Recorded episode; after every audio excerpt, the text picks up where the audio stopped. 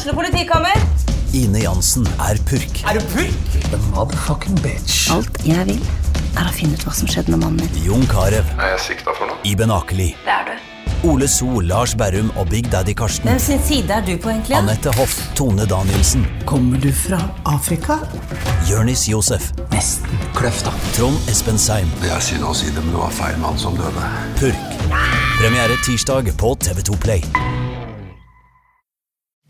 Da eh, er vi klar med en fotballpreik spesial. Du hører Jan Gunnar Kolstad. Jeg har med meg eh, sportsredaktør i BA, Tormod Bergersen. Men ikke minst en gjest som eh, veldig mange vet en del om, men som veldig mange òg er spent på. Velkommen, Kristian Kalvenes.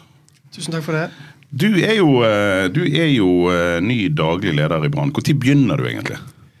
Jeg holder på å avklare de siste detaljene nå med Fjordkraft, men eh, jeg eh, regner med at jeg er på plass i løpet av mai måned. Ja, men det er ikke sånn at du eh, Du driter ikke i, alt som heter Brann fram til dess og kommer med eh, ingen kunnskap om hva som har skjedd i sesongstarten. Jeg regner med du følger med? Det gjør jeg virkelig. og jeg klarer Allerede fra i prosessen med styre og ansettelse så har jo hodet ditt begynt å jobbe og tenke. Så det er klart at uh, dette er ikke noe som du bare slår av og på. Tormod, eh, du begynte jo å tenke lenge før han ble ansatt, og lanserte han som eh, den heiteste kandidaten. Jeg vet ikke hva inside-kilder du har, det skal du slippe å, eh, slippe å avsløre her. Men, eh, men de har jo fått sin, eh, sin eh, aller beste kandidat, og han som var øverst på lista. Ja, altså jeg tror altså, det er helt naturlig hvis du er leder i Brann og skal sette opp en liste på en ny daglig leder, så, så er jeg helt sikker på at Christian hadde stått eh, øverst. Kanskje sammen med Svante, for han er alltid med i sånne diskusjoner. Eh, Ja. Samuelsson. Eh, så er jo, vi var jo tidlig ute med å tro at det ble han. Det sto jo på egentlig om han ville, og det var jo ikke så lett å få ut av han. Eh, men, men jeg tenker sånn, det, vi fikk jo signaler på at han var med i prosessen, og da pekte han seg vel ut som en kandidat som har liksom alt. Han har fotballbakgrunn, han har næringsbakgrunn, og så er det jo først og fremst den han er. Altså, han har en karriere der han ikke har fått noe gratis, på en måte. Altså, han har jobbet for alt han har gjort. Og nå kommer jo han til en jobb der han sikkert skulle hatt mer enn 24 timer i døgnet. Eh, og jeg ser jo det er mange som snakker om eh, at han går ned i lønn og alt sånt, så jeg tror ikke det har vært tema for han. Jeg tror like mye du har tenkt på hva det betyr for de rundt deg at du tar denne jobben her. Ja, La meg få lov til å spørre om det, Kristian. Altså, hva i alle dager får en kar med en toppjobb i Fjordkraft, eh, direktør eh, for privatmarked, vi er enige om det, sant? Ja. Um, til å gå inn i et vepsebol som Brann. Eh, Litt kjapt. altså, Herregud, vi har bak oss en sesong som er den mest skandaløse i, i klubbens historie. Et uh, nachspiel som vi ikke trenger å gå i dybden på. Alle vet hva som eh, skjedde eller ikke skjedde der. Nedrykk, en omveltning uh, av ledere som uh, det òg er helt uhørt. Så du for deg i fjor høst at du, dette her var en plass du hadde lyst til å jobbe? I fjor høst skal ikke jeg si så mye om, men ehm, min sjef i dag eh, spurte jo meg allerede i februar når det var snakk om denne jobben, hva jeg hadde, om jeg kunne tenkt meg det. Ehm, og da hadde ikke jeg tenkt veldig mye på det, men når han spurte med det spørsmålet, så trigget han tankene mine. Og da gikk det kanskje ti dager, så gikk jeg tilbake på kontoret og så sa jeg, vet du hva, hvis jeg får muligheten til denne jobben her, da må jeg ta den. Da må vi ta det med en gang. Altså, hva, fordi at Brann er Brann, eller fordi at du har et, en personlig ambisjon om å bli en en liten slags Messias i egen by? Eh, I alle fall ikke det siste. um, det jeg kan si er at det å si, Det å få jobbe eh, med Brann i den rollen jeg har, på et organisasjonsmessig nivå, um, det er kanskje det som trigger meg. For denne jobben her eh, er nok en av de aller, aller største lederutfordringene du kan ha her i Bergen, i hvert fall. Fordi at det er en så veldig offent, offentlig rolle. Det er så mye følelser involvert for alle utenfor klubben. Og så eh, Samtidig skal du klare å drive en veldig flink organisasjon, men med en langsiktig tankegang, uten at du blir dratt i alle retninger basert på følelser i tide og utide. Så som jeg sa egentlig på pressekonferansen, at det å få lede en klubb som betyr så mye for så mange, det vil bli et privilegium, men på ingen måte en dans på røde roser. Nei, men da lurte jeg litt på jeg, Det slo meg her før vi skulle sette oss ned. Går Kristian eh, Kalvenes rundt med en ambisjon om å i korte trekk få orden på denne klubben, eh, altså få de opp igjen, få orden på klubben, og så trekke seg ut? Eller hvor, lang, hvor langt perspektiv har du på det du skal gjøre her? Nå når jeg går inn i det, så går jeg inn med det med et uendelig perspektiv, i den forstand at du har tillit i denne rollen her helt til du ikke har tillit lenger. Eh, og du kan gjøre jobben helt til ikke du kan gjøre den lenger på mange måter. Eh, men jeg går inn i rollen med si, den forventningen om at vi som organisasjon, eh, som klubb, og ikke minst omgivelsene sammen må på en måte skape dette over tid. For Hvis jeg skulle tatt forventning for at nå skal jeg komme inn og gjøre sånn og sånn, da tror jeg at du feiler dag én. Det er jo òg en, altså Du er en up and coming næringslivsmann. Dette er jo en rolle som, som kan ødelegge karrierer. Fordi at han, du er så du er jo et geni til du er en idiot, egentlig. Eh, har du gjort det? Jo, var det noen tanker du gjorde? Altså, ser du den fallgruven i dette, eller? Jeg, jeg, ser i hvert fall det du sier med at eh, Og det har jeg også stilt meg som at du vet at i en sånn rolle som disse, For du ser historien, på samme som trenerrollen, sportslig lederrollen og denne rollen her, så eh, må du på en måte ha for deg at du kan komme i en situasjon hvor du får sparken. Med stor sannsynlighet. Så mm. sant ikke du virkelig leverer på tingene. Um, og det er klart at den fasen, når det skjer, hvis du ser historisk på de andre, så har det vært veldig tøft. For de som står i det, for familiene deres. Og det er klart om Som bergenser, når du bor i Bergen og du har alle rundt deg, så er det noe enda tøffere. Um, om du ødelegger karrierer videre Jeg er ganske sikker på at uh, uansett denne rollen her, så kommer jeg til å lære enormt mye. Det gjorde jeg i Fjordkraftjobben min. Det gjorde jeg i Chess-jobben min. Det har vært enormt bratte læringskurver i alle klubbene. Så de erfaringene du tar med deg fra en sånn rolle, vil jeg si vil uansett være uvurderlig for videre karriere. Men selvfølgelig det er jo selvfølgelig ikke greit å bli slept langs rennestein eh, her i byen eh, de siste to månedene før du skal gå ut. Nei, men, men var jeg inne på noe der at liksom dette lønnsmessige som vi har fokusert litt på i pressen, det betyr på en måte mindre enn det hva det familiære. Du har barn og du har en kone. Eh, ja, som ja. kan få høre ting om deg hvis det ikke går så bra. Ja, altså det du kan si at Eh, lønn hvis du tar det først, så er det én ting. Sant? Så dette er et verdivalg for meg. Sant? I forhold til at jeg vil jobbe med et fagområde jeg har en lidenskap for. Eh, jeg vil jobbe nå med den klubben som har vært hjertet mitt nært siden jeg var en liten snottergutt her i, i gatene. Um, men det jeg virkelig har måttet stilt meg spørsmålstegn med, det er jo eh, Jeg er en familiefar. Jeg har tre barn, jeg har en kone. Eh, vi, vi har det sammen. Så hvis dette skal funke for meg over tid, så må jeg klare å bære eh, Jeg må klare å bære denne rollen sammen som den rollen jeg har som familiefar. Hvis det ikke, så vil jeg verken prestere i jobb eller eh, med, med, familien. Da. Så det er klart at jeg har stilt mange spørsmål der inn mot familien min, og det er også der jeg har fått spørsmålet fra familien min. Da. Så eh, Hvor gamle er ungene dine? Altså, Skjønner de hva du skal inn i? Altså, Eldstemann er 15. Så ja. har jeg en jente på 12, og så har jeg en gutt som er 8,5. Ja, Men de veit jo godt hva Brann er? Ja, virkelig. virkelig. Han spør meg hver eneste dag nå, han yngstemann, om hvor han skal på jobb i dag, om det er Fjordkraft eller Brann. eh, men det er klart at eldstemann, han, han um, har stilt noen spørsmål. 'Får vi ikke se deg nå, pappa?' Um, kommer du bare til å sitte på kontoret hele dagen? og sånn. Mm. Um, men det er klart at når jeg gikk opp på pressekonferansen, så fikk jeg en tekstmelding av han om morgenen. Da hadde han vært og trent eh, før skolen. Og så sendte han til meg eh, 'Lykke til, pappa', med et hjerte. Og så kjente jeg, vet du hva, da traff han meg. Da har han omfavnet det, og han forstår at dette er viktig for meg. og jeg kommer ikke til å gå på akkord med familien min i denne rollen. Jeg skal klare å balansere begge deler. Det er veldig viktig. Og det er klart at dere blir jo viktig for meg med, med det ansvaret òg. Så eh, at vi har en god kjemi, og at vi si, avtaler eh, tidspunkt for å prate, som vi har gjort i dag, framfor at eh, det ringes i tide og Og vi skal ringe deg i tide og utide. Ja. Ikke vær redd for det. Nei. Men eh, altså, Et av de spørsmålene jeg var jo litt inne på det, men jeg, når du snakker nå, så skjønner jeg jo at det er egentlig ikke et eh, godt spørsmål. Jeg bare tenkte å spørre liksom, Er dette en personlig ambisjon, eller er det fordi at eh, Brann er så stort i Bergen? Men jeg skjønner jo at når en sjøl er fra Bergen, oppvokst i og rundt klubben, så blir dette her en slags altså Det, det er ikke delt. Dette her er vel både personlig og en, og, og en eh, bygreie og stolthet og, og alt sammen i ei smørje? Helt klart. Helt klart. Det, det er det, og det er liksom um, Spennende, da.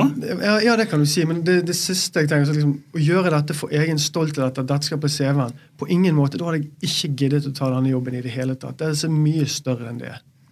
Mm. Mm. Hva, hva ser du for deg at Brann bør være? da? Altså, de, de, Vi har jo alle drømmer om at det skal bli et uh, Bodø-Glimt. Og Brann har jo vært i nærheten. altså Jeg husker nå sjøl at det var på eh, hva heter han da? Stadio Olympico? er- Nei, det gjør han ikke. Men uansett, Marseille, La Coronia Brann har vært i nærheten av noe stort en del ganger. Eh, Hva, hva er din hva syns du, Jeg skal ikke spørre deg om hva du har tenkt å drive Brann fram til å bli, men, men, men hva, liksom, hva, hva burde Brann vært i en fotballgal by som Bergen? Altså, Vi har jo hatt tradisjonelt sett eh, veldig fokus på hele tiden hva resultat vi skal levere totalt sett. Og så vil jeg si at hvis du ser tilbake de siste 50 årene, så eh, Ja, nå har vi disse to seriegullene fra 2007 og 63, i hvert fall. De to siste. Men hvis du ser alle de årene imellom, da, hvor mange ganger har ikke vi trodd eller forventet at vi også skulle vinne seriegull, men ikke vært i nærheten av å ta det? Så jeg tror at min første oppgave, eh, vi som klubb, vil jeg si, det er jo heller å klare å leve misjonen til klubben. Det at vi er Bergens stolthet. Sant? Det at dere skriver om klubben med stolthet. Det at medlemmene er stolt for å representere Brann. Det at supporterne våre er stolt for å reise rundt i Norge og være stolt av spillerne våre. Og det at spillerne er stolt for å spille for denne klubben. På samme måte som jeg er stolt for å få lov til å lede klubben. Den stoltheten tilbake. For lager du det grunn, klarer du å leve den misjonen, så tror jeg det er også med å bygge opp den klubben over tid. Og klare å skape noen bærekraftige resultater. For Det er kanskje det som har vært utfordringen de siste x antall årene. At resultatene har vi sporadisk. Vi har ikke hatt bærekraftig gode resultater over tid. Er Bergen tålmodig nok da? For, at Det som da må ligge i bunnen av en, en litt mer langvarig suksess, er jo en plan. Og alle planer til Brann blir ofte torpedert på en måte av det enorme engasjementet og det kortsiktige målet om at i år skal det bli jævlig bra. Eh, og så klarer en ikke tenke langt. Eh, hvordan, eh, hvordan skal du balansere de tingene? Altså, eh, jeg har møtt Brann eh, jeg har møtt folk i Brann som nærmest ser på eh, engasjementet og de galne supporterne som en, som, en, som en ballast som er vanskelig å bære. Men hvordan skal du få det engasjementet til å bli en ressurs for klubben?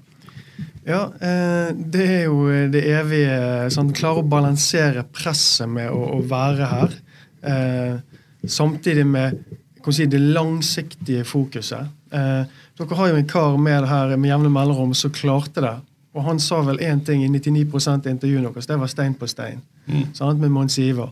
Så det er jo noe med det å klare å sette noen forventninger, noen mål om at vi må bygge noe langsiktig. Vi må bygge et fundament. Vi må bygge klubben over tid. Og så vil resultatene kunne komme etter det, hvis du gjør de riktige tingene. Så hva skal si, en formaning om en langsiktig tankegang, men selvfølgelig med en forventning om at vi som klubb skal presen- eh, prestere og levere gode resultater over tid. Ja, vanskelig. Tormod, hva skal han gjøre for å ikke bli fanga av eh, de ulike grupperingene? Vi har nettopp fått inn en, en, en ny styreleder som hater ordet grupperinger, som liker å snakke om ressurser. Sverdrup vil gjerne at vi snakker om ressurser. Men det er jo ingen eh, hemmelighet at det finnes grupperinger i Brann som gjerne vil ha sitt og si. Gamle spillere, medlemsmassen, fansen og eh, ja. Hva skal Christian gjøre for å ikke bli fanga i dette her? Jeg tror han kjenner alle disse grupperingene fra før. Eh, og hans fordel er jo at han er godt likt og godt kjent i alle de grupperingene òg. Eh, det er jo på en måte litt ikke hans jobb, men litt styret sin jobb å hindre at det skjer. Og så må jo han passe på, eller være obs på at dette finnes. Og av og til så må du gå sikksakk mellom de for å få ting til. Eh, Men det handler jo om at hvis han greier å formidle et budskap de kjøper For det, det jo ikke bare at alle grupperinger i Brann vil jo det samme. De vil jo at Brann skal vinne, og så er de ganske uenige av og til om hvordan man skal vinne. Um, så altså, det, som, det, som, hjelper alle brannledere på veien, om du er trener eller styreleder eller daglig leder, det er jo det, er jo det de elleve gjør på banen. Så enkelt er det. Altså, det er jo i, Hele tiden er det de som er ute på banen der som bærer det største ansvaret for hvordan resten av organisasjonen i Brann har det. Altså, og han har jo vært i den, den rollen òg.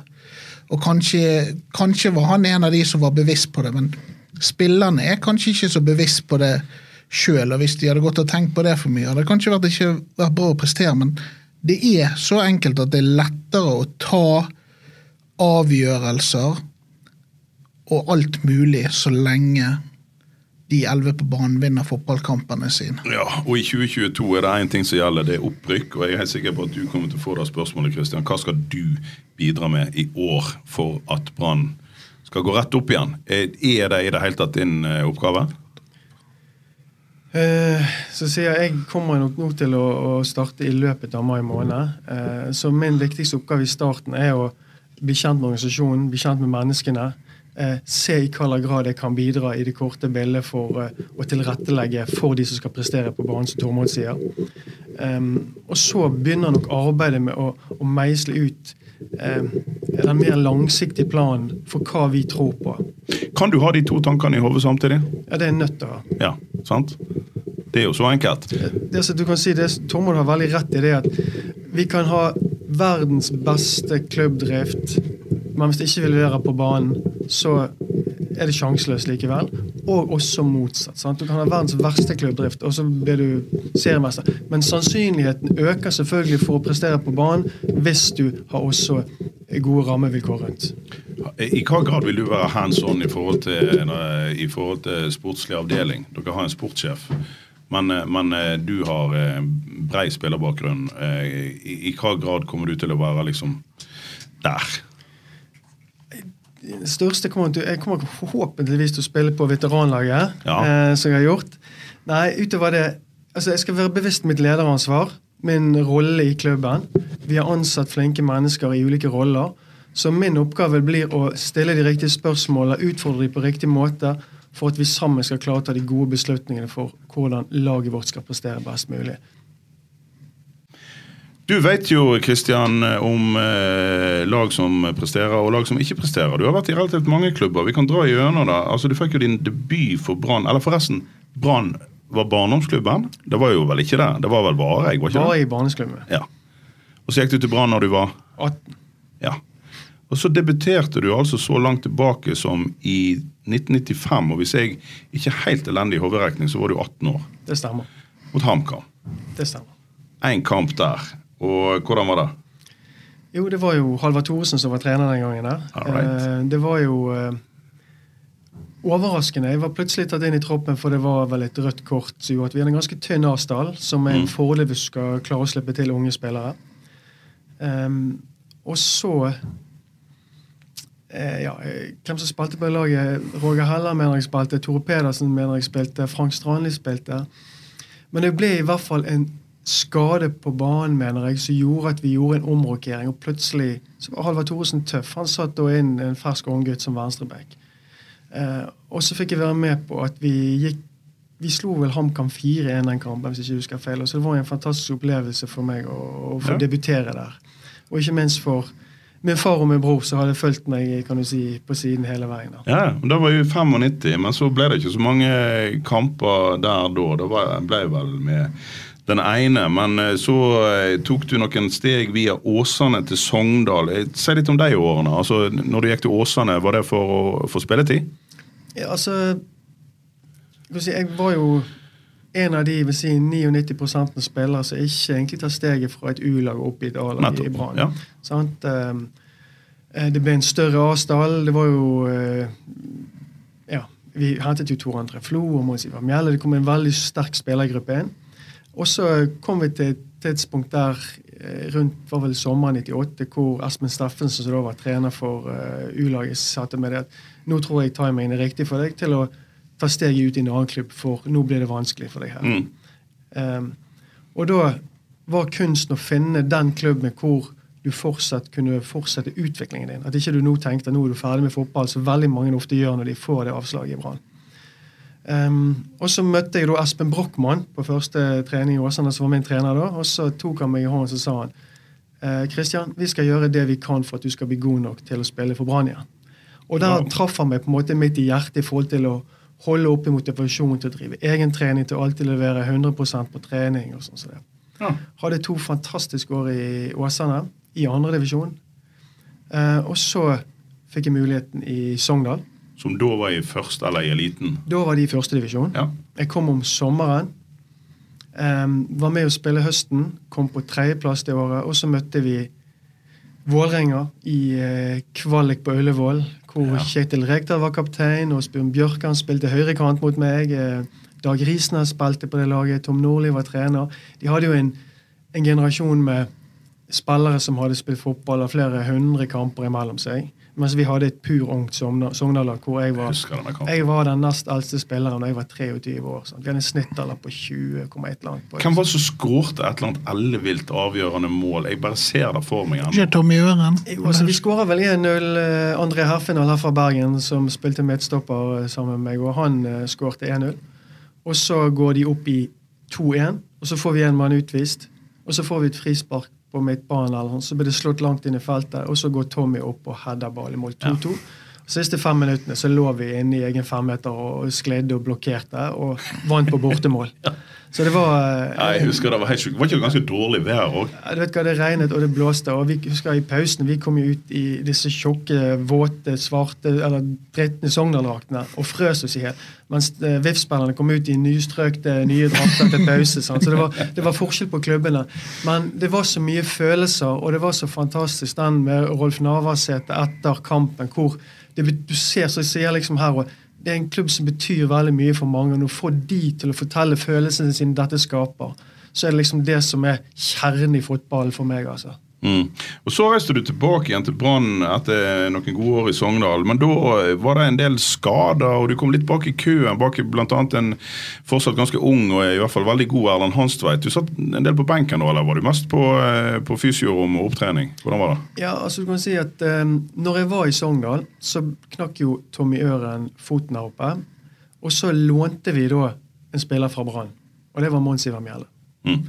Så vi ble jo godt kjent med Mons, og eh, når han da tok over, og etter 2003-sesongen, så eh, hentet han meg tilbake til Ja, Bergen. ja. Eh, og da var, kom jeg skadet. Jeg hadde skadet lysken min. Og jeg var ute hele første sesongen. Opererte lysken egentlig to uker inn i sesongen. Mm.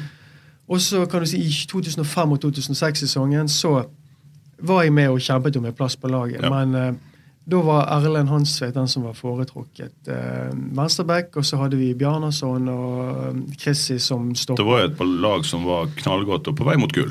Virkelig. virkelig, sant? Og Som fotballspiller så har du alltid lyst til å spille, men jeg er ikke der at jeg kan ikke gjøre noe annet enn å på hånden og si vet du hva, jeg kan ikke klage på at jeg ikke fikk spille, for de spillerne som var der, var veldig gode. Men Ja. jeg lovet meg i hvert fall det at så lenge jeg er her nå, så skal jeg gjøre det jeg kan på trening og egentrening og alt mulig, for at hvis muligheten kommer, så skal jeg gripe den. Ja, men du fikk jo andre muligheter, og, og, og litt, sånn, litt sånn ut av det blå fordi at du ikke var en av profilene på Brann den gang. Til England, Dundee United og så Burnley, eller så først til Skottland. Og der er det- Du debuterte med mål. Jeg spilte to gode sesonger, så vidt jeg kan huske, eller halvannen. Ja, altså det Fast var på jo laget. Charlie Miller som var i Brann da, som egentlig ordnet at jeg fikk komme over på et prøvespill her borte. Ja. Og så grep jo jeg heldigvis den muligheten. eh, Og fikk oppleve to fantastisk flotte år i Skottland. Mm. Med så å si, ja, scoring på Ibrox, fullsatt foran 50 000. Jeg fikk For der er det følelser. Der er det følelser, og de sitter utenpå kroppen. Så det, og Skottland er et fantastisk land å spille fotball i, syns jeg. da. Mm. Lidenskapen for fotball er enormt sterk. Og jeg fikk oppleve cupfinale der borte, som også var utrolig kjekt på Hamden Park. Eh, og så var egentlig planen å reise tilbake til Norge etter to år, og da var liksom option at så sant ikke noe veldig spennende dukket opp. Og da når vi var her hjemme på ferie, så fikk jeg en telefon fra Owen Coyle, som var skotte og har tatt over Burnley et halvt år før. Kjente veldig lite til Burnley. Eh, selv om jeg har alltid vært veldig interessert i engelsk fotball. Men kjente på litt som jeg gjorde med Skottland, denne muligheten Når jeg er 31, kan jeg ikke la gå fra meg. Og da var det championship. Og reiste ned. Tapte første kampen 4-1, tapte andre kampen 3-0. Tenkte dette går rett vest. Og så bare snudde det fullstendig. Ja, for jeg, altså, jeg, jeg, jeg husker jo òg eh, at vi dekker ganske Jeg vet ikke om vi var borte, Tormod, men altså en opprykksfinale i England er noe av den største kampen eh, som er på de britiske øyer. Eh, det vet jeg eh, en del om. Ikke fordi jeg har vært i nærheten av å spille, men fordi jeg holder med Aston Villa. Og de har spilt et par av dem på Wembley. Og du spilte altså på Wembley i opprykksfinale. Dere vant 1-0 mot eh, Sheffield United. Stemmer det? Ja. Hvordan var det? Det er jo igjen så en, en, på mange måter en ute-av-kroppen-opplevelse. sant? Det å få komme inn og spille på en så enorm stadion som Wembley Ja. 80 000 tilskuere på tribunen. Det var kan du si, min far, min bror, Kjetil Knutsen, altså Petter Pettersen fra fotballkretsen. Det var venner og familie som har vært med meg opp i gaten. Å få lov å få spille foran de som har sett hvordan drømmene har vokst i deg fra du gikk i gatelangs her, det var utrolig stort. Og ikke minst det å få oppleve å vinne den kampen der. Eh, Jeg tror de fleste som har sett litt fotball, har sett scenene fra opprykksfinalen i, på Ullevål Nei, Ullevål, sier jeg, på, på Wembley. Det, det er jo ingenting som er større. altså Du rykker opp i, i en pengebinge. For supporterne er det så vilt. altså Burnley hadde vel ikke Hadde de vært i toppdivisjon før? De har kanskje det, men det, det var iallfall flere tiår siden sist. Eller hvordan var det? Ja, altså Burnley er jo en av klubbene som var med å starte ligasystemet i England. det er En av de gamle. Og det var vel 50 år siden de var blitt seriemester i England. Ja, ok, sånn var det. Når vi rykket opp. Men det var liksom første Og da, naboen min der som jeg bodde, han var med da et tiår før, eller hva det var. Da holdt de på å rykke ut av ligasystemet i, på, i siste spilleminutt. Så han, der rant tårene, altså. For dette Ja, var ja. igjen, Det betyr så mye for så mange. Enormt. Og så kom du hjem til Brann og fikk noen gode sesonger der, eh, med, med en god del spilletid. Og eh, ja eh, La oss da spole eh, litt lenger fram. Hvordan i alle dager eh, kom du deg til Var det navnet ditt som har gitt deg eh, toppjobber i næringslivet? Um, jeg kan si at jeg har jo, jeg har, På reisen så har jeg jo tatt og utdannet meg. Ja, så jeg ferdigstilte masterutdanningen min, eh, som jeg har tatt på BI. Da. Jeg har tatt skoler da jeg var i Sogndal og i Bergen. Men første året mitt i Skottland, da gjorde jeg ferdig masteren min. Um, og når jeg kom tilbake til Brann, så tenkte jeg som så at nå eh, er du 33, nå er du mer i styrkerommet enn på feltet, nå må du tenke litt lenger frem. Og da var jo Vibeke Johannessen markedssjef. Og jeg spurte hun kan jeg få være med deg i møter med sponsorer. Sånn at jeg kan lære litt hvordan dette er. Og det var jo kjekt for hun å ha med en spiller. Det syns jo sponsorene var, var eh, interessant òg. Og noen av de møtene det var med Chess. Og så så jo de interessen, og så spurte de kunne du tenkt deg å være nede hos oss kanskje to-tre dager i uken. Takket ja til det. Og det var jeg så lenge jeg spilte. Fikk lære organisasjonen å kjenne, livet si, utenfor fotball å kjenne. Og når jeg da sluttet å spille, så fikk jeg jobb i Chess. Det, er jo, det var altså en fleip at han skulle ha fått jobb på navnet sitt, men eh, det, det er jo ikke en fyr som har eh, flytt gjennom fotballkarrieren, som du sier. Det, det er jo, eh, Kristian har jo jobba for det. og i hvert fall for de som vet hva jobb han skal overta nå, så må jo det være litt betryggende at du har en kar som, eh, som virkelig kan eh, brette opp armene og, og mm, ta i et tak. Det er mye, mye å ta tak i oppe i den klubben nå, så han får en del jobb å gjøre. Ja, men altså, det er jo dette som vi satt på eh, forrige podkast, meg og deg snakket sammen. Så, så, er det jo bare til å høre på den historien på karrieren hans, hvor mange ganger den egentlig kunne ha stoppet opp for normale folk. Bare høre det der at man tar utdanning på siden. sant? Det er jo ikke så veldig mange andre. Jeg kjenner ganske mange brannspillere som, som, som går hjem til PlayStation i stedet for Ja. å bli med i markedsmøtet. Nå er det litt sånn, eh, det, det er en litt sånn teit ting å si at uh, fotballspillere ikke gjør andre ting, men, men Christian har gjort mer enn de fleste underveis. Ja, og det er jo det som liksom altså Det sier noe om Det er bare at han Han kan bare si CV-en sin, så skjønner du at det er en karakter der, selv om du ikke kjenner han fra før. Altså, og jeg tror jo Altså, Jeg husker jo, jeg var jo dekka andredivisjon når han spilte der. Eh, så jeg har eh, på en måte Mitt forhold til Christian starta med Åsane når jeg begynte i BA. Og det jeg tror var, var så, det som mange undervurderer, det er jo at når han kom der, så gikk han fra å være en drittunge da, i Brann til å være en av plutselig være leder. Han fikk enda mer lederjobb i, i, Sogndal, i Sogndal. Og så, så forteller jo f.eks. For Jonas Grønner eh, at eh, når Christian snakket i garderoben, så hørte man etter på en måte. Og Det, det er noe bare med hele karakteren. og det, det er sånn, Hvis folk eh, tar seg tid til å kjenne han og, og høre, høre på det han forteller, og hvordan han har kommet der han er i dag, så tror jeg det gir han en naturlig respekt, og at dette er en fyr som ikke gir opp, og som vil bruke alle krefter han har til å gjøre Brann til det hele byen drømmer om. Men ligger grunnlaget der, Kristian? Eh, For jeg har sittet i eh, snart ti år nå med brannledere som har lurt på og filosofert over hvordan de skal gjøre klubben Brann eh, attraktiv igjen i Bergen by. De har på en måte aldri fått grepet om dette her at uh, fotball har blitt veldig internasjonalt. Du har 37 kanaler hjemme som viser Barcelona og United annenhver dag. Og, vi- og, og Brann går ikke av seg sjøl lenger. I fjor ble det en god del interesse av de feile grunner, altså at en lå og kjempet om nedrykk. At spillerne blamerte seg med et nachspiel midt i sesongen. Så det ble litt sånn eh, uh, hausing og oppmerksomhet der. Men, men, men, men eh, det, jeg har venner som kommer utebys fra, som sier at Brann er jo egentlig ikke så synlig i denne byen. Må, en ta grep? Altså, for du er oppvokst i en by der alle brydde seg om Brann. Veldig mange av dagens unge er ikke der. Har, du- har, du- har du noen tanker om det? Um, jeg tror at noe av det jeg skal bruke tiden på i starten, som jeg har sagt, det er jo å, å snakke med mange mennesker. Altså i klubben, eh, dere rundt klubben. altså Det er mange interessenter av Brann. Ehm, for å, å høre litt hva man syns. Jeg, jeg tror ikke det at jeg skal komme inn og si at vet du hva, dette vet jeg kan. Jeg skal forstå mye i starten. Men er du enig med meg i at ting ikke går sånn som de gjorde fram til 80, begynnelsen av 90-tallet? At det, det går ikke av seg sjøl. Det er en ny hverdag. Brann Brann får ikke bare oppmerksomhet for at de er Brann. Nei, nei da, så kan du si at uh, det var en periode lenge etter 80-tallet hvor vi hadde full stadion hver eneste gang. Ja. Og jeg mener at i perioden jeg spilte sist, så var det i hvert fall frem til en eller annen dato aldri vært under 13 000 tilskuere så og så langt tilbake. Og så har virkelig dette endret seg. Helt klart. Om potensialet er der Men det er egentlig det jeg spør om. Kan vi komme tilbake igjen der? Eller er det, Ja, er, det- er, jeg- er det farende tider? jeg, Nei, jeg tror jo virkelig det, da. Altså um, De klarer det i Europa, og ja, nå er det tilgjengelig overalt. Og så er det noe med at følelsene for den lokale klubben din er fortsatt sterk. Og det er noe med å bygge opp rundt det. Ja, hva var det jeg skulle si? Nei, men altså, vi er jo også, altså, jeg, jeg har jo lenge sagt at jeg tror pendelen vil svinger tilbake. For at vi har hatt en periode der internasjonal fotball har vært tilgjengelig på TV-kanaler. Nå har det blitt så dyrt at mange gidder ikke betale det lenger.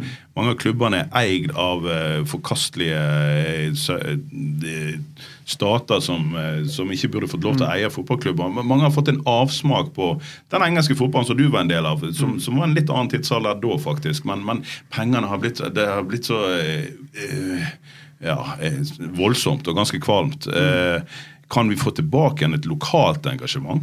Eh, Framfor, det, framfor sånn som det var, i, har vært i ganske mange år, at det er liksom United og Barcelona som gjelder? Ja, jeg, jeg, jeg, jeg tror det. For det er noe med at um, um, Man ser jo gjerne på Barcelona eller de store klubbene ute, og det er fantastisk gøy å se fotball. Det syns jeg òg. Men det er noe med at følelsene det skaper for deg med det lokale. Og Du ser det spesielt på de britiske øyene. Folk reiser og ser sin lokale klubb. Om den heter Oxford og spiller langt nede i systemet, så det er det det som er klubben. Og det er det engasjementet vi må klare å få til her igjen. Og nå var det en kamp oppe i, i, i Ranheim. Vi er i Obos-ligaen. Og det engasjementet supporterne våre klarte å skape. Det var imponerende. Imponerende. Hvor mange var det som ikke var der? Helt fantastisk. Så det at noe kan være i emming, hvis vi som klubb klarer å skape dette sammen med omgivelsene, det er ikke jeg i tvil om. Tror du eh, han vil lykkes eh, i løpet av de neste par årene? Han ligger det til rette i Brann? Jeg var på trening her om dagen. Jeg snakket med Eirik Horneland, og han sa nå har vi hatt en vanvittig omskiftning, og det er ikke bra, men vi har iallfall fått inn ganske mange folk, som, eller folk som får meg til å få veldig tro på at vi skal få dette prosjektet opp og gå. Eller ikke prosjektet, at vi skal få Brann opp og gå igjen. Har de fått de rette folkene inn? Det ser ganske sånn tillitvekkende styre også har kommet inn, ikke det da, Tormod? Jo, altså det, det ser på en måte bra ut, og så, og så tror jeg det er viktig å, at vi rundt ser hva de overtar. Det er ikke Selv om de, de som er i Brann, vil alltid prøve å snakke opp det de har, på en måte, men de spiller i i, på nest øverste nivå i Norge, og forhåpentligvis gjør ikke det til neste år, men de er ikke i norgestoppen i fotball. Det er tatt noen grep nå, og så tas det nok ytterligere grep for å komme tilbake på der man er, og, og skal være, selv om vi nesten aldri er der. Vi snakker jo hele tiden om det at Brann skal være i toppen, men de er jo der ikke altså de er jo ikke en, Brann er jo langt fra noe stabilt topplag historisk sett. Og det er liksom ta med litt av det han har, det der eh, rolige og analyserende, tenke klart i pressede situasjoner, både når karrieren er på hell eh, i en klubb. Hva gjør jeg nå? Skal jeg gi meg, eller skal jeg gi noe annet en sjanse? Eh, og lytte til folk. sant? Han forteller at han lytter til Espen Brochmann i sin tid. og alt sånt. Og det Ja, altså Det kan bli veldig bra. Og så tror jeg eh, det er vanskelig Det er jo helt umulig å spå med for det er helt avhengig av hva som skjer på på banen når alt kommer til alt igjen. Ja, jeg så Du sa Christian, at uh, forrige gang de rykte opp, så ble det nummer to år etterpå. Det er jo helt riktig, det var en enorm prestasjon. Men, men hva tenker du om tidsperspektiver i så måte? Det, det var ganske uvanlig. Uh, mm. Men, men uh, blir det noen år til du kan ringe bror din i Bodø-Glimt og si at nå er det på tide at gulltrenerne kommer hjem? Altså, hvor, tid, hvor lang tid tar det å, å gå ifra den tilstanden som Brann er i dag, til å være oppunder toppen av norsk fotball? Altså, Å sitte her og spå det for meg det... Ja, men Si to eller ti år, da. Ja, Innenfor det så bør det være mulig, tenker jeg. altså, det er jo veldig mange som vet at du kjenner Kjetil godt, og broren din er broren din. Eh, altså Morten Kalvenes, assistenttrener. Ja. Er, det, er, det, er det allerede altså, Nummer én, har du Ser du noe de har gjort oppe i Bodø som, som man kan adoptere her til Bergen? Eh, og har du allerede fått spørsmål om de to skal ned her etter hvert? Altså, det jeg kan si om det, er at eh, Min rolle det er til enhver tid sørge at den som trener Brann, som nå er Eirik Horneland, får de beste forutsetninger for å lykkes. Og min oppgave er å støtte han mest mulig. Hvis det ikke, så er ikke min rolle verdig. Det kan jeg bare si. Eh, og nå trener de Glimt, og det kommer de til å gjøre uoverskuelig fremtid. At vi kan lære noe av Norges beste klubb, overbevist om det. Helt klart. Både på det de gjør rundt fotball, og antageligvis også rundt organisasjonen. Eneste måten vi kan finne det ut av, det er å være åpen, ydmyk og snakke med dem. Ja, og i, i, så måte. Vi får jo alltid spørsmål, og hver gang vi kommer inn mot et årsmøte, så begynner folk å sammenligne med de klubbene som har klart å følge en plan, sånn som vi Bodø-Glimt har spilt 4-3-3 siden 70-tallet. Og de har eh, roller for alle spillere som gjennomgående ned til småguttelaget osv. Og, så videre, og så får en spørsmålet hvorfor kan ikke vi gjøre sånt i Brann. Kan vi gjøre sånt i Brann? En stor klubb med masse oppmerksomhet, som gjerne skal ha sterke trenere. Du kan ikke bare ta noen og putte det inn i et system i Brann. Du, du, må ha noen som tåler å stå i stormen. og Da kommer de kanskje inn med sine egne meninger. Du så Rosenborg fikk problemer når de skulle fasttømre seg i 4-3-3. Altså, mm. Går det an å sammenligne disse tingene? Glimt og Brann?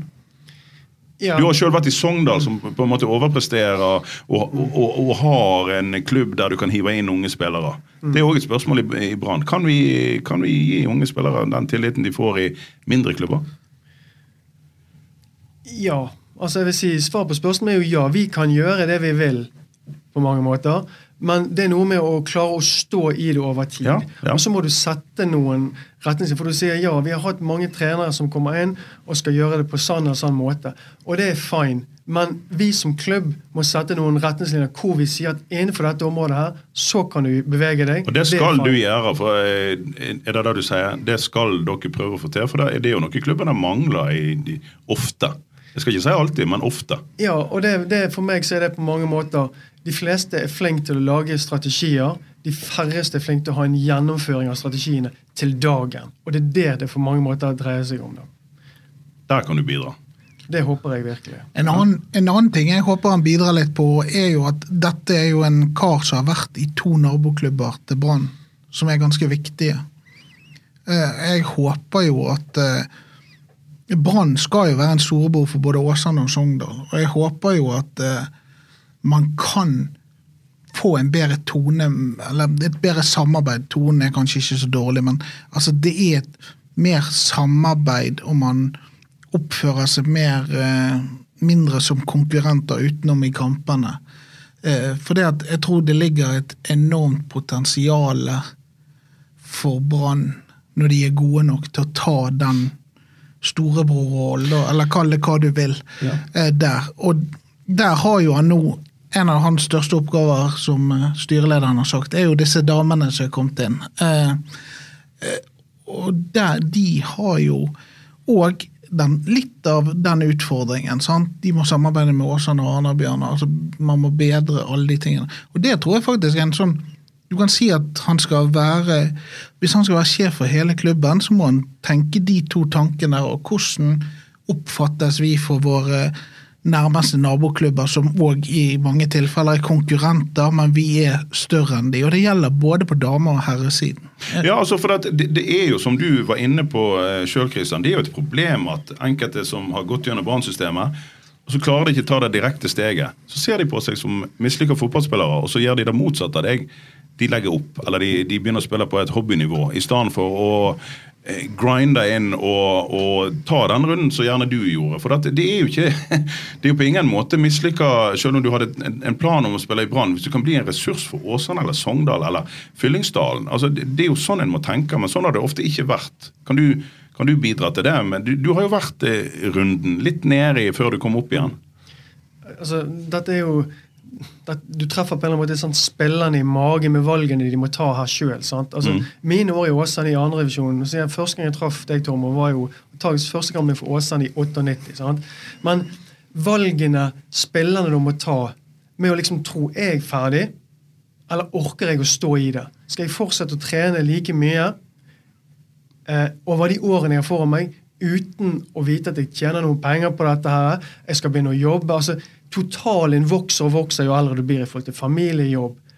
Orker du å stå i det? Tør du, eller kan du ta konsekvensene av fortsette å ha de målsettingene år etter år etter år uten en garanti om at du kan, kan si, lykkes? Men å lykkes Hadde jeg bare spilt i Åsane, så er jeg sikker på med de kompisene jeg hadde i Åsane Hvis de ser tilbake på sin karriere, så tror de virkelig setter pris på den tiden de hadde i Åsane. Ja, for det var fantastisk. Ja. Så det å bli toppspiller og få oppleve som jeg har gjort Jeg er ganske sikker på om du hadde spilt lavere eller hva det er så er det noe med at opplevelsen likevel er veldig stor for deg. Mm. Og det er det mange som må klare å ta vare på. Ja. Men det valget blir alltid utfordret hvis du har høye ambisjoner og føler at nå er det langt for å nå dem, og så har du veldig mange andre ting som kommer til å stjele oppmerksomheten din. Ja. Um, ja. Du har jo et, eh, et Det som du sier der med det kameratskap og sånn, så du fortalte litt her tidligere. Hva eh, du sa at du, du, praktiserer det litt i dag. Det er litt tid som er hellig med noen gamle lagkompiser. Ja, altså, kan du, si, kan du si det på flere nivåer. Altså, de guttene som jeg trener nå, som begynte da de var fem år, det å klare å få de til å holde sammen, i hvert fall som et lag, kanskje til de er 19 år. For det er så verdifulle år for de i forhold til at det er en utfordrende tid å være tenåring. Men har det laget, så betyr det mye. For det er et kameratskap du skaper. Og da er du trener i Bergen Nord? Da er jeg trener i Bergen Nord. Ja. Og så kan du si at jeg har vært igjennom et langt fotballiv nå, og ga meg var 36. Og nå spiller jeg oldboys-fotball en gang i uken. Jeg har spilt tidligere med Bergen Nord og med Åsane, og nå spiller jeg med, med gamle Branngutter. Men det er kjekt å spille fotball, men grunnen til at jeg gjør det, er jo fordi den ene gangen i uken eller i måneden eller hvor ofte det blir, jeg får møte de gamle kompisene. De som du har spilt med. Får høre om det har gått bra med de, hvordan har de det, hva gjør de? Det gir grådig mye i en hverdag som er opptatt av jobb og barn og familie. og faktisk for, for, disse har vært med på en del av den reisen som du har gjort sjøl, mm. og har fulgt deg på samme måte som du har fulgt de. Mm. Så det er altså samholdet som fotball skaper, og det vil si uansett nivå, er en kjempeviktig ting å ta vare på for alle som vokser opp, vil jeg si. Vet du hva? Det var så fint at jeg tror vi, jeg tror vi slutter der. Eller har du en eh, liten ting til, Tor? Ja, men altså, det, jeg, det jeg syns det, var, det var en fin avslutning, egentlig. Men jeg tenker Du skal ødelegge den? Ja, jeg skal det. For jeg syns at han, eh, han er inne på noe viktig her. Altså, som han hadde helt fra barndommen eh, på Skansen med, med, med fotball. Og det er jo kameratskap, og det skal være kjekt. Og det er jo det man skal bringe inn i Brann. Altså sånn Man må, man må tenke på Hva skal det begynne å bli kjekt å være i Brann nå? ja, det, det må de bare forholde seg til. For å sa. sitere Mons eh, når Amiro Corales var ute og kjefta litt på han. Her i Brann har vi det kjekt, Ja. og da må Ramiro forholde seg til. Og det er liksom, det er jo det hele poenget. at det må, være, det må jo bli kjekt å, bli, å være i Brann igjen. For det har det ikke vært på en stund, hvis vi skal være helt ærlige. Det har vært mye Spillerne må skjønne hvor heldige de er hele tiden. Altså, det, er jo, det er jo kjekt å jobbe i Brann nå. Og, det, og det er ekstra kjekt å være bergenser når eh, det går bra. Da får, eh, får han mye ros, og sikkert litt ros han ikke skulle fått. Og, sånn. For, for det er jo det, hvis man kan ha det kjekt, og det er liksom denne grunntanken han har der om kameratskap, som han har hatt gjennom fotballen fra han var i Vareg og droppa buekorps No. på Skansen. Ja, det stemmer. Jeg var en av de få som valgte fotball istedenfor buekorps oppe i gaten. der jeg bor. Men, men, men tror du han kan få en eh, med det presset som er rundt Brann? Jeg regner med du har det sånn ambisjon, men altså, gleder du deg til dette? Tror du det blir kjekt, eller tror du det blir mest stress og styr? Jeg gleder meg enormt. Jeg gleder meg enormt. Og eh, når jeg satt og ventet på telefon fra styret på om de hadde ville velge meg eller noen andre, så kjente jeg det at Jeg kjente at nesten den der Å, herregud, nå virkelig håper jeg det. Sånn, så det er ikke tvil om at jeg virkelig gleder meg til denne rollen her. Eh, og jeg, nå i starten har det vært hyggelige pressekonferanser og vi sitter her nede og koser oss. Men det kommer ikke til å bli vann. Men det å ta vare på de gode opplevelsene på reisen, for det er mest hverdager, og forstå at du må jobbe knallhardt over tid, og det kommer til å være mange tøffe dager, hvor dere kommer sikkert til å stille meg mange vanskeligere spørsmål enn dere gjør i dag. Og så er det en del av reisen og en del av jobben, og så må jeg prøve å håndtere det på best mulig måte. Og klare å rasjonalisere best mulig for de valgene vi har tatt underveis. Og det kan være riktig, og det kan være galt, men det kan være en forklaring for hvorfor vi har valgt å gjøre det vi har gjort. Kristian, lykke til. Tusen hjertelig.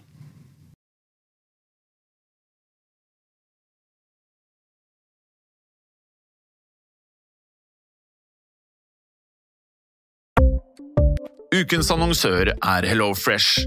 HelloFresh er verdens ledende matkasseleverandør og kan være redningen i en travel hverdag.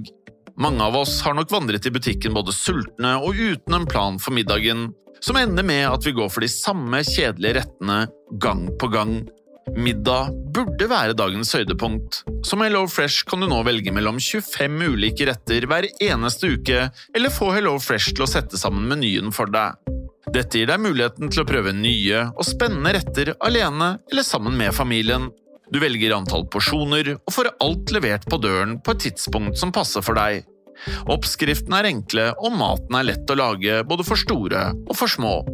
Ved å få alt levert hjem får du også mer tid til å dele matgleden med familie og venner. Kanskje det frister med asiatiske tacos eller greskinspirert kylling?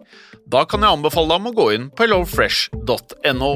Her kan du bruke koden FOTBALL og få opptil 1779 kroner i rabatt på de første fem matkastene hvis du ikke har prøvd HelloFresh tidligere. Du kan også bruke rabatten hvis du har vært kunde og stoppet abonnementet ditt for tolv måneder siden eller lengre.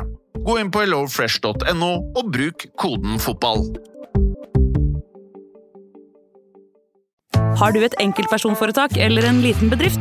Da er du sikkert lei av å høre meg snakke om hvor enkelt det er med kvitteringer og bilag i fiken, så vi eh, gir oss her, vi. Fordi vi liker enkelt. Fiken superenkelt regnskap.